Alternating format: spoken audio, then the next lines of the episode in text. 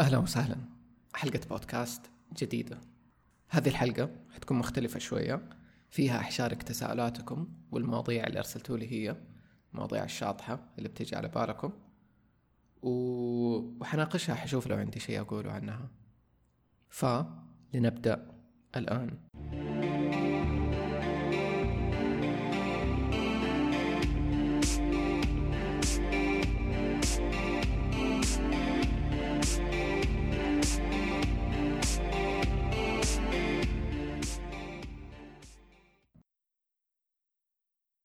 طيب عشان أشرح لكم إيش صار اللي صار إني نزلت على انستغرام ستوري قلت شاركوني التساؤلات والمواضيع الشاطحة اللي تجي على بالكم وما لقيتوا لها إجابات محددة. ويصير دحين حقراها في الحلقة ولو كان عندي تعليق عليه حقوله يعني. الفكرة دي أحد من مستمعين البودكاست اقترحها قبل فترة وعجبتني. وقلت ليش ما أسويها دحين؟ فيس هذه التجربة الأولى. لأنه يمكن نطرح مواضيع وأسئلة وكذا ونناقشها في الحلقة. يمكن قبل قد سويتها وسط حلقات إنه الناس يشاركوا قصصهم بس دي أول مرة تكون الحلقة كاملة آه عن أسئلتكم فأحس حلو يعني من أول نفسي أسوي شيء زي كذا. طيب حبدأ. المشاركات كثيرة فحمر على المهم منها. طيب أم... تالا اي ثينك تقول. هل معقول إنه الأحلام اللي نشوفها عبارة عن إحنا في بعد ثاني ولا هي أبعاد مخترعها مخنا أنا أحس الاثنين. أحس في الأحلام بنروح أبعاد ثانية غريبة ولأنه في ناس بيروحوا أماكن في الأحلام بيحكوا عنها ويلاقوا إنه في ناس تانيين بيحكوا عن نفس الأماكن الغريبة. أو الأغرب إنه في اثنين يحلموا نفس الحلم ويتشاركوا كل المواقف اللي فيه فهذا معناته إنه بيتقابلوا في بعد معين. وفي أحلام ثانية أحس مخنا يخترع البعد بالكامل فممكن يكون بس حقنا إحنا يعني ما حد ثاني فيه بس أنا مرة اشوفها الاثنين يعني متأكد إنه في عوالم غريبة في الأحلام. ودي الأحلام ودي العوالم موجودة في مكان ما. يعني لو ما هي موجودة في الكون حقنا موجودة في أبعاد ثانية في الوجود. طيب. برضو في سؤال تاني من من تالا تقول إيش رأيك في ال reality shifting إذا reality shifting هو اللي أنا أعرفه في بالي اللي هو تبديل الواقع ف yes أؤمن بذا أؤمن بالعوالم الموازية.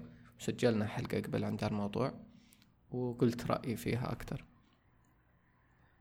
طيب I am shocked تقول عمق المحيط والمخلوقات الكثيرة والغريبة اللي فيه وكيف إنه لسه ما قدروا يكتشفوا حتى نصه.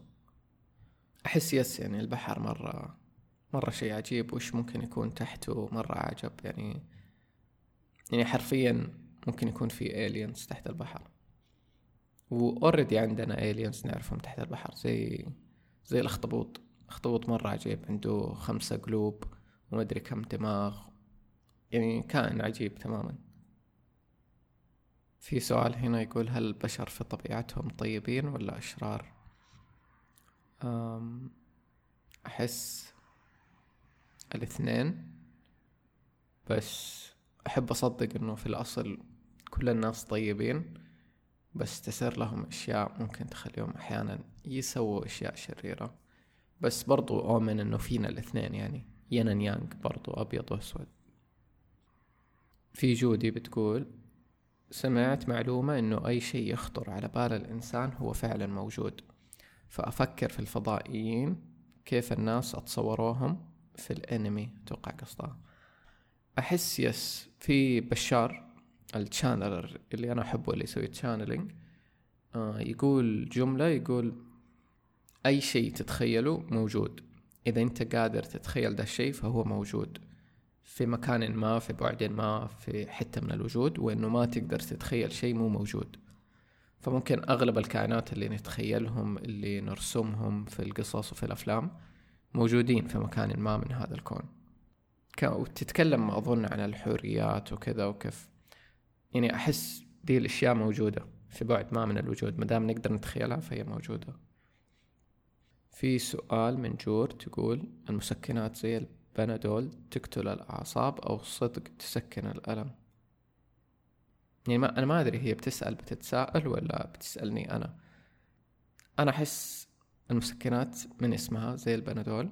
من جد بس بس تخدر الأعصاب يعني انت فكر فيها. أي عصب موجود في جسمك موجود لرسالة فمثلا لما تخبط رجلك في شيء في الطاولة في الباب في الجدار وتتعور رجلك ما هي قاعدة تتعور أصلا. هي الرجل قاعدة تنس ترسل إنذار للدماغ وتحفز الألم في الدماغ. فالألم ما هو في رجلك الألم جاي من الدماغ. عشان الدماغ يخليك تنتبه وما تعور أو تجرح رجلك. ف الفكرة دي تفشخ شوية إنه هو أصلا ما في ألم حقيقي قد ما إنه الدماغ هو اللي بينشط الألم فيك. فلما تاخذ أي مسكنات بنج مدري إيه كذا أدوية هي غالبا بس بتخدر ذا الشعور. فمثلا الصداع أنا اللي أعرفه كمثال الصداع يجي من المعدة. يكون مثلا في إمساك في المعدة عشان الأكل مو تمام القولون مو ماشي المشاعر ممكن ضاربة ألف شيء ممكن يكون السبب. فالدماغ يعطيك حالة الصداع عشان ينبهك إنه في شيء في المعدة ولا في مكان في جسمك. بس المسكن اللي بيسويه بس بيسكت نظام الإنذار هذا. كأنه أتذكر ماركوس كان يشرحها ماركوس روثغرانز يقول زي السيارة. الداشبورد حقت السيارة لوحة السيارة دي اللي قدام الدركسون تقول لك لو البنزين ناقص لو الزيت فيه له مشكلة لو في شيء في الماكينة. بس لو انت طفيت اللمبات دي ما حتقدر تعرف عن المشكلة وممكن تكبر عشان تصير بعدها مشكلة كبيرة. فهذا الجسم بيديك حالة تنبيه مبكرة حتى لما يجيك ألم في أسنانك هو متصل بأعصاب جسمك. وكل ضرس أصلا متصل بعضو من الجسم. فكلها علامات تنبيه الجسم بيحاول يقول لك شيء. لما يجي صداع لما يجي ألم في الأسنان كل دي الأشياء. الجلد لما تيجي حساسية كلها علامات تنبيه الجسم بيحاول يوصل لنا رسالة. فنقدر إحنا بس لما بناخذ بنادول ولا بناخذ أي مسكن إحنا حرفيا بنسكت الجسم أو بنسكت نظام التنبيه اللي في الجسم. ما بنتعامل مع المشكلة مباشرة.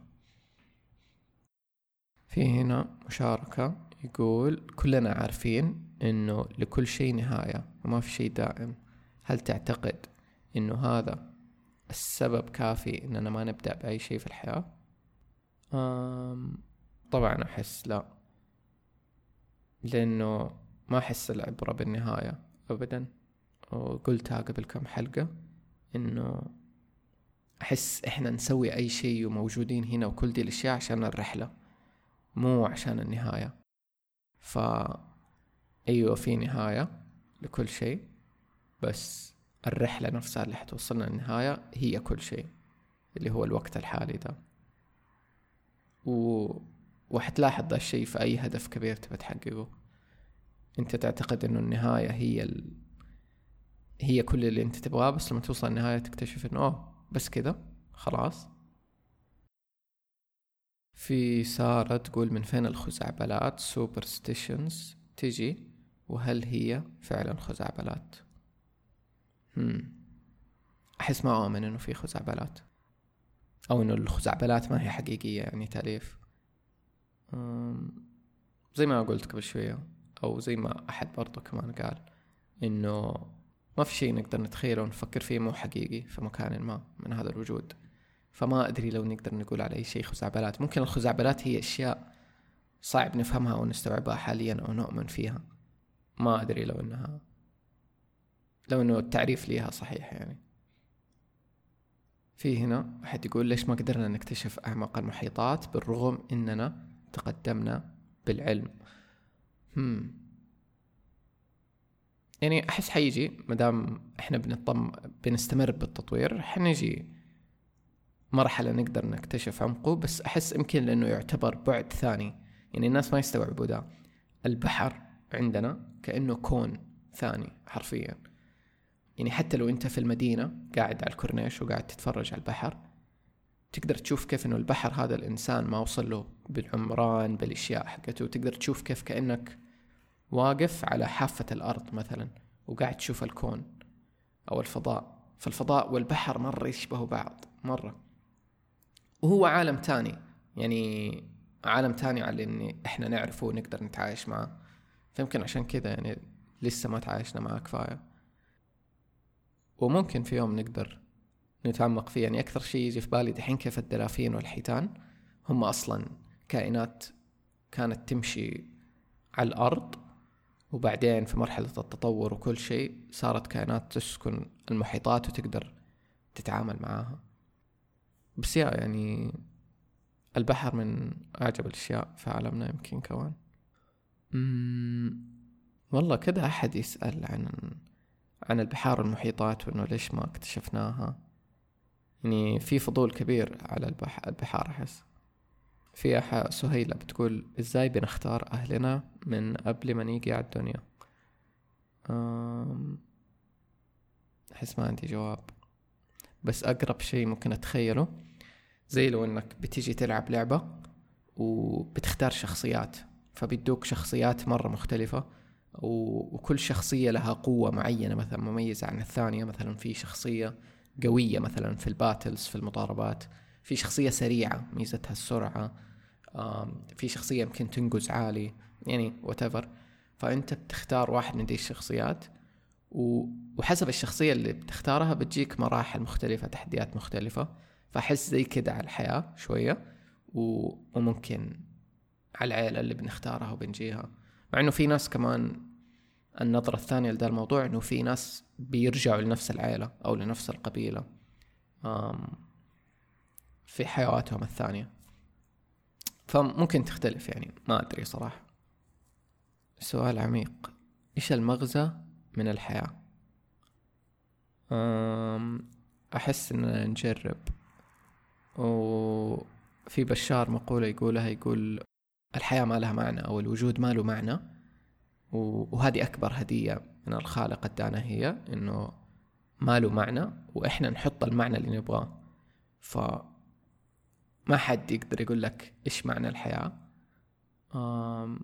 ويمكن يعني في فلسفات كثيرة أقدر أقول لك إيوه عشان تجرب عشان ما أدري إيش عشان تتطور عشان كذا عشان كذا. بس هو في النهاية أنت تحط المعنى اللي تبغاه للحياة أو للوجود. يعني برضو معنى الحياة ومعنى الوجود ممكن يختلفوا وندخل في قصة طويلة أحد تاني لم يتقول إحنا ليش موجودين بالحياة؟ أحس نفس السؤال اللي قبله إيش مغزى الحياة؟ عايشة تقول ليه أشوف أشخاص ما أعرفهم كذا مرة باليوم بكذا مكان وكأنه ال pattern يتكرر عندي. يعني pattern يعني نمط كأنه عنده نمط بيتعاد. ما أدري إيش ممكن يكون ده بس أؤمن بدا الشيء إنه لما أنت وشخص تاني تكونوا شابكين في نفس الموجة تصيروا كأنكم في نفس العالم فتتقابلوا كثير. فدي أحسن مثال ليها لما أنت مثلا تعرف شخص من مدينتك okay؟ ممكن أحد من العيلة شيء زي كذا بس ما تقابلهم ما تقابلهم في مدينك ممكن جارك يعني جارك ساكن جنبك في الحي ما تقابل ما تقابله في المدينة. بس فجأة شخص تاني مو معاك في نفس المدينة أنتوا الاثنين في مدينة مختلفة أو ممكن أنتوا الاثنين في نفس المدينة بس تسافروا دولة ثانية وتتقابلوا بالصدفة كذا في الشارع ولا في مكان ما. كذا اللي مصادفات عجيبة. تقابل شخص مفروض إنك مرة ما تقابله في مكان عجيب. هذا دليل إنه أنتوا على نفس الموجة كأنه في نفس العالم أو في نفس البعد قاعدين تمشوا. فالصدف بتخليكم تتقابلوا. فممكن ده أقرب تفسير ليش إنه شيء زي كذا يصير. يعني ممكن دول الأشخاص اللي ما تعرفيهم كأنهم معاكي على نفس الموجة. برضو سؤال لماذا نحن هنا؟ في سؤال هنا حلو يقول أتساءل دائما كيف وليش نسينا أصلنا كأرواح مطلقة؟ كأنه قصده إنه إنه كيف نسينا اتصالنا بالمصدر بالخالق. وروحنا الأصلية. أحسه جزء من التجربة يعني كان لازم ننسى. سؤال كيف أبدأ بالتحرر؟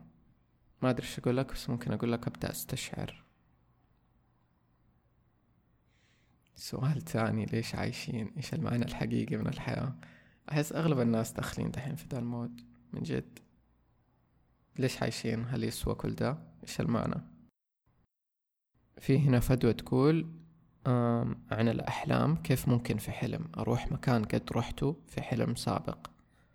أحس تحكمي بأحلامك. يعني أعرف إنه الناس اللي يتحكموا بالأحلام يقدروا يسووا ده الشيء مرة سهل إنه يروحوا نفس المكان. كمان بتقول هل ممكن الحدس يشتغل في الأحلام؟ أحس كل شيء من اللي أعرفه كل شيء في التحكم بالأحلام يكون قوته مضاعفة. يعني تقدر تجرب الأشياء دبل القوة العادية. يعني لو كنت في حلم وتبغى تسمع لأفكار الناس جوا الحلم تقدر I think. في هنا أحد بيقول disassociation. disassociation يمكن أحسن ترجمة لي له الانفصال um, قد شفت فيديو لتيل سوان حلو كانت تقول إنه الشخص يدخل نفسه uh, في حالة انفصال أو disassociation لأنه يكون يحس بألم قوي. فكأنه يفصل نفسه من الواقع الحالي عشان ما يحس بالألم. طيب هنا في أحد بيقول معقولة لما نكون نحلم ويوقف الحلم بلحظة معينة لما نصحى معناتها راح يكملوا شخصنا بالعالم الموازي لما ينام؟ والله ممكن جدا. ليش لا؟ يعني قد سمعت دي الفكرة إنه كأنه لما إحنا بننام.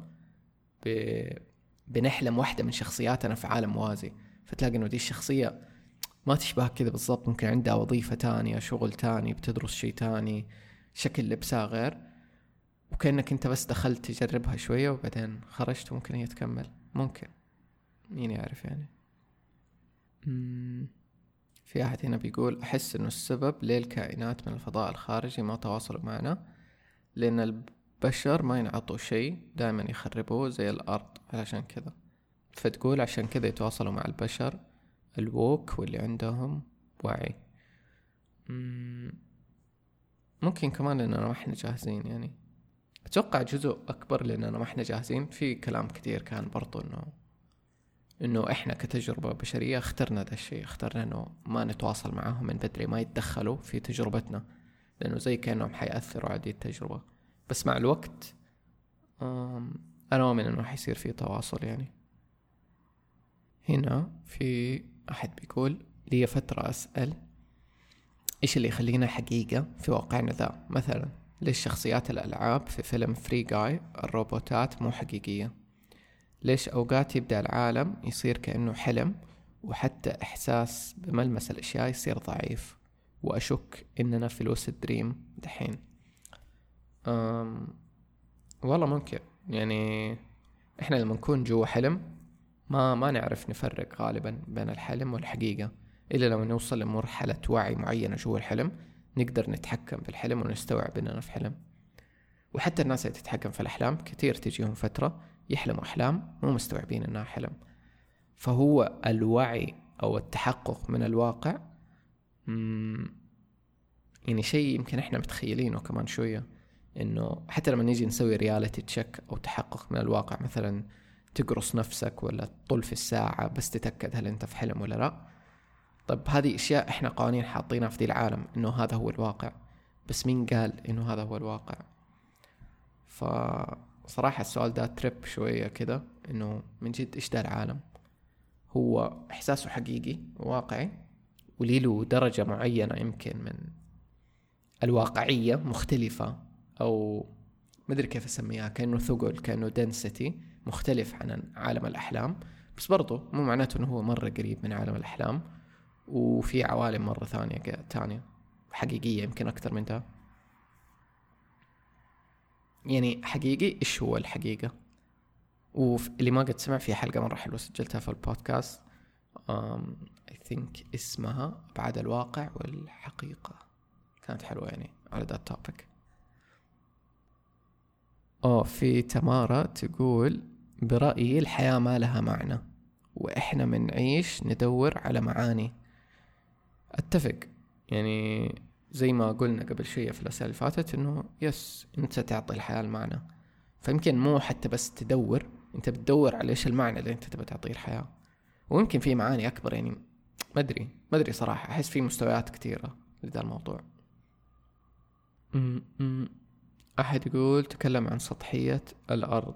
I think قصده إنه هل الأرض مسطحة أو لا. صراحة ما يعني غصت كثير في ذا الموضوع. ال conclusion الأخير اللي عندي إنه ما أدري هي مسطحة ولا مو مسطحة أو هي الاثنين في نفس الوقت. حرفيا. يعني مسطحة وما هي مسطحة كله كله مع بعض. بس إنه اللي استوعبته إنه دا التساؤل حق الأرض مسطحة ولا لا مرة ضيع ناس كثير في أفكار كثيرة ممكن ما هي مفيدة وما تفرق. يعني هو فاد لدرجة معينة بس فصل الناس كثير عن عن حقائق رهيبة في الوجود يمكن ما أدري. بس أحس يس ما هي مسطحة ولا مسطحة يعني تتقبل كل الاحتمالات. في أحد هنا بيقول ليه مزاجنا يتغير أسرع من إنه يكون ثابت؟ أحسه من الأشياء اللي محيرتني الفترة برضو ويعني قاعد أحاول أفهم أكتر فيه وأجرب بتغيير الدايت ونوع أكلي وصحتي والرياضة وكذا. فأحس تقلبات المزاج اللي مرة عالية أو مرة سريعة ممكن تكون بسبب نظام أو أسلوب حياة غير صحي سواء من ناحية أكل من ناحية رياضة من ناحية شغف من ناحية أفكار كل شيء. وكل ما نكون متوازنين أكثر في أكلنا الرياضة وبرضو الحياة اللي بنعيشها يعني بنعيش حياة نحبها. هرمونات الجسم تتوازن بالتالي المزاج يتوازن. فهو جزء كبير منه على إيش الأشياء اللي بتأثر على الهرمونات. هذا إيماني. وفي أحس في هاكس لذا الموضوع. فتلاقي الناس اللي بيعيشوا شغف مرة عالي في الحياة ما بيتأثروا بتقلبات المزاج كثير. فهو عجيب مرة الموضوع. وتقول ليه المشاعر السلبية سهل إنها تسيطر علينا والعكس بالنسبة لل... للإيجابية؟ ما مرة ما قد فكرت في ذا الشيء إنه هل المشاعر السلبية أسهل ولا لا. أم بس ممكن في أسباب يعني. أحس أكتر شيء يساعد إنه الواحد ما يعلق في المشاعر السلبية إنه يسلم تسليم يعني. بالتالي إنه يدعي يسلم الموضوع ما يفكر فيه كثير يستشعروا طبعا يعيشوا كل شيء بس إنه يسلم أكثر في الأشياء اللي ما يقدر يسوي فيها شيء والأشياء اللي يقدر يسوي فيها شيء يغيرها. فلو في شيء مضايقك تقدر تغيره غيره أسعى إنك تغيره. لو ما تقدر سلم. سؤال في بالي من فترة. ليش الأولاد درجاتهم أنزل من البنات؟ بنزول واضح يعني مو بسيط. الأولاد أغبياء. ما أدري بس الموضوع مرة حقيقي. أتذكر في فترة من حياتي كنا ندرس في مدرسة برا السعودية كنا أولاد وبنات. كانت تيجي الدرجات آخر السنة. كنا ندرس النظام السعودي كانت تيجي الدرجات آخر السنة. كل الأوائل يعني إلى إلى عشرة تسعة كلهم بنات. بعدين يجوا الأولاد ورا بعض. أحس يمكن الأولاد ما يدوا أهمية للدراسة كثير. ما يستثمروا فيها يعني زي البنات. بس في أولاد كثير يعني شطار يمكن شطار أكثر من البنات. فما أدري إيش السبب كذا الواضح الحقيقي. بس ممكن يكون له علاقة بكيف الرجل والأنثى طاقتهم غير. يعني ماسكلين feminine energy كيف يتعاملوا مع الحياة وإيش الأشياء المهمة بالنسبة لهم. ما أدري ممكن. أحيانا تجيني فترة ملل من كل الدنيا كيف تتعامل معاها؟ تحس بإحباط إنك لسه ما حققت اللي تبغاه. yes تجيني من فترة لفترة. وقد ما إنك تكون محقق قد ما إنك تكون منجز ممكن يجيك ذا الشعور ويكون يجلد فيك. أحس أحسن شيء ممكن أقول لك هو الحلقة اللي سجلتها آخر واحدة حقت التقلبات المشاعر وكيف تتقبل ذا الشيء في نفسك. يعني لسه أنا بشتغل على ذا الموضوع كثير. بس هذا أقرب شيء يعني في بالي. قد شاركته. أحس دي التقلبات تحتاج تعاطف مننا. يعني نفسنا لما تكون في أسوأ مراحلها تحتاج مننا حب وتعاطف بس. أم برضو هنا سؤال ليش إحنا ما نكون شخصية أكثر واحد ما نحبه؟ آه ليش أحيانا نكون شخصية أكثر واحد ما نحبه وجرحنا مع إننا واعيين؟ بس نلاحظ أنفسنا أحيانا بنعمل تصرفاته. حلو إنك يعني واعي أو شايفه ده بس أحيانا ما يكفي إنك بس تشوف ولا بس تكون واعي. يعني بما إنك شفت واعي ممكن دحين تبدأ رحلة التشافي إنه تعرف إيش السبب. فممكن هنا أقترح. في يعني مصادر مرة كثيرة بس آه، أعرف إنر لايت نور عزوني آه، عنده كورس الشفرة الروحية يسويه كل فترة. يتكلم عن كيف تفك هذه الأنماط وفي ناس مرة كثير في الرايك محمد كيلاني في سمية الناصر في ناس مرة كثير ممكن يساعدوا الشخص إنه كيف يفك دي الأنماط ويتشافى منها. بس من جد هي الخطوة الأولى إنه الواحد يكون قادر إنه يشوف إنه في نمط. فأحيانا إحنا يا نكون عكس مثلا لو في الطفولة المربي الأم أو الأب أو كذا لو كانوا سيئين أو عندهم أو ضرونا بشكل معين واعي أو لا واعي إحنا ممكن ناخد عكس صفاتهم نتمرد يعني نسوي عكس الأشياء اللي هم كانوا يسووها أو بالعكس ناخد نفس صفاتهم ونسويها بالضبط. فمثلا لو الأهل مهملين في ناس ممكن يصيروا مرة مرة مرتبين ومنظمين وكذا لأنه ياخدوا العكس. آه وممكن يكون بزيادة لدرجة أنها تعبهم أو سي دي أو غيره. وممكن ياخذوا نفس الصفات هذه من الأهل الصفات السلبية. فهذه هنا رحلة تشافي يعني الواحد مفروض يبدأها عشان يعرف كيف يفك ده لو الخيال بفلوس حتدفع عليه أحس إيوه أصلا إحنا بنسوي كذا طول الوقت. ب... بندفع فلوس على أفلام على الميوزك على القصص وهي خيال. نوران تقول مو شاطح بس ليش التشافي صعب؟ من جد ما أدري ليش صعب. يعني ما حد يعرف ليش صعب لذي الدرجة. يعني تجربة الحياة ممكن تكون مرة ثقيلة. ف عشان كذا نحتاج طبطبة. برضو الحلقة اللي فاتت أنصح فيها يعني. إنه لو التشافي صعب نهدي الجرعة. يعني مو لازم يكون كله ثقيل ورا بعض. نسمح لنفسنا شوية طبطبة وراحة. حلو. في سؤال من اتس منى تقول كيف الواحد يعرف أشياء بدون تعلم بدون اكتساب؟ تكون معرفتها بالفطرة ولولا وجود الفطرة فينا كيف حنعرفها؟ أحس مرة حلو ده الشيء. ما أدري يعني زي مثلا في ناس يتولدوا رسامين يتولدوا مغنيين وممكن ما يتولدوا بكامل الموهبة بس بجزء كبير منها يكونوا جاهزين يتعلموا بسرعة ده الشيء. أنا مرة أؤمن بدا الموضوع. في ناس ممكن تزعل منه لأنه تحس لا أنا اللي تعلمت أنا الفنان أنا الكذا. ممكن يس. يعني مرة الموهبة ما تكفي لحالها اللي تيجي كذا بالفطرة ولا بالولادة تحتاج شغل تحتاج تنمية تحتاج كل شيء. بس إنه من جد أنا اؤمن بدا الشيء. في ناس يتولدوا بحاجة جوتهم. ممكن مو مكتشفينها حتى ممكن في ناس يعني بعد فترة من حياتهم يكتشفوا إنه جوتهم في رسام فجأة كذا يطلع.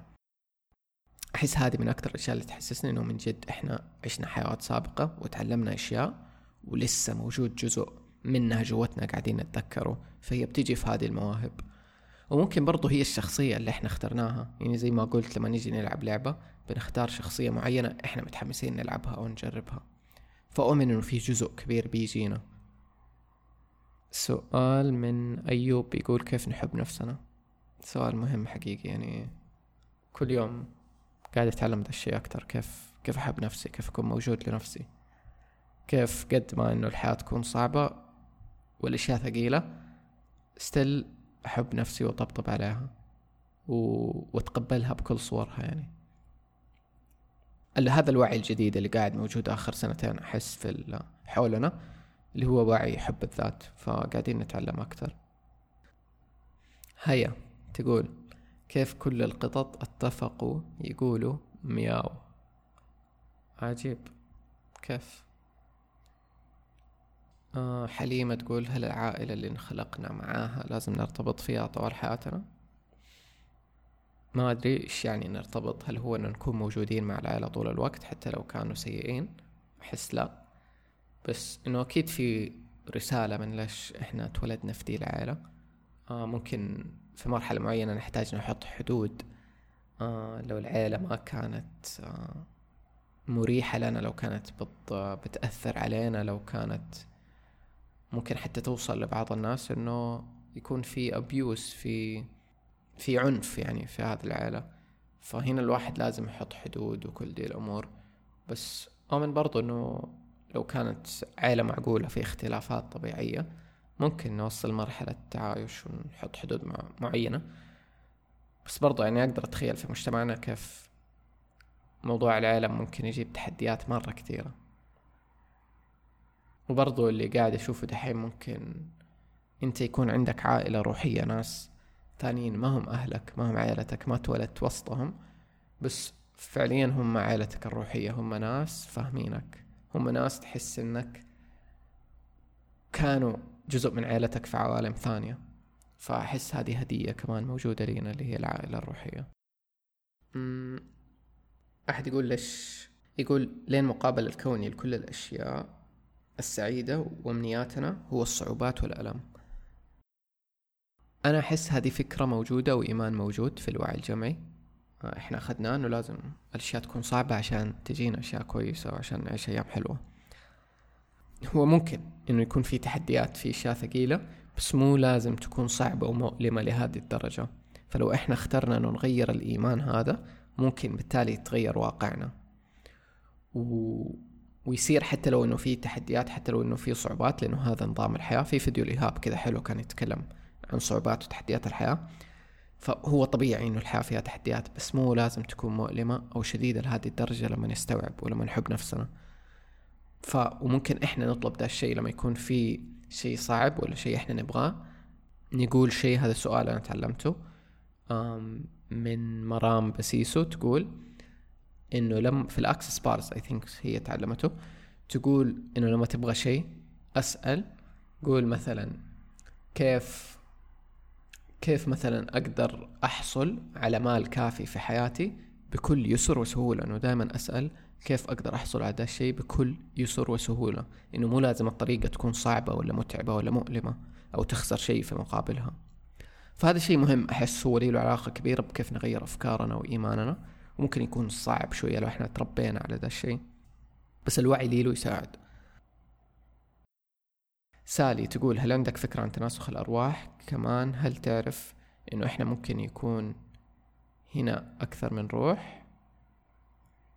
أم قد سجلنا حلقة جبنا فيها سيرة تناسخ الأرواح اسمها الحياة السابقة. بس إنه هل تعرف إنه إحنا هنا ممكن يكون لنا أكثر من روح؟ دي جديدة يعني ما ماني واعي تماما للفكرة اللي بتقوليها. أم عجيب يعني. وآخر شيء رغد تقول ليه الإنسان يضيع. ما أعرف بس ممكن ممكن نضيع عشان نلاقي الطريق تاني.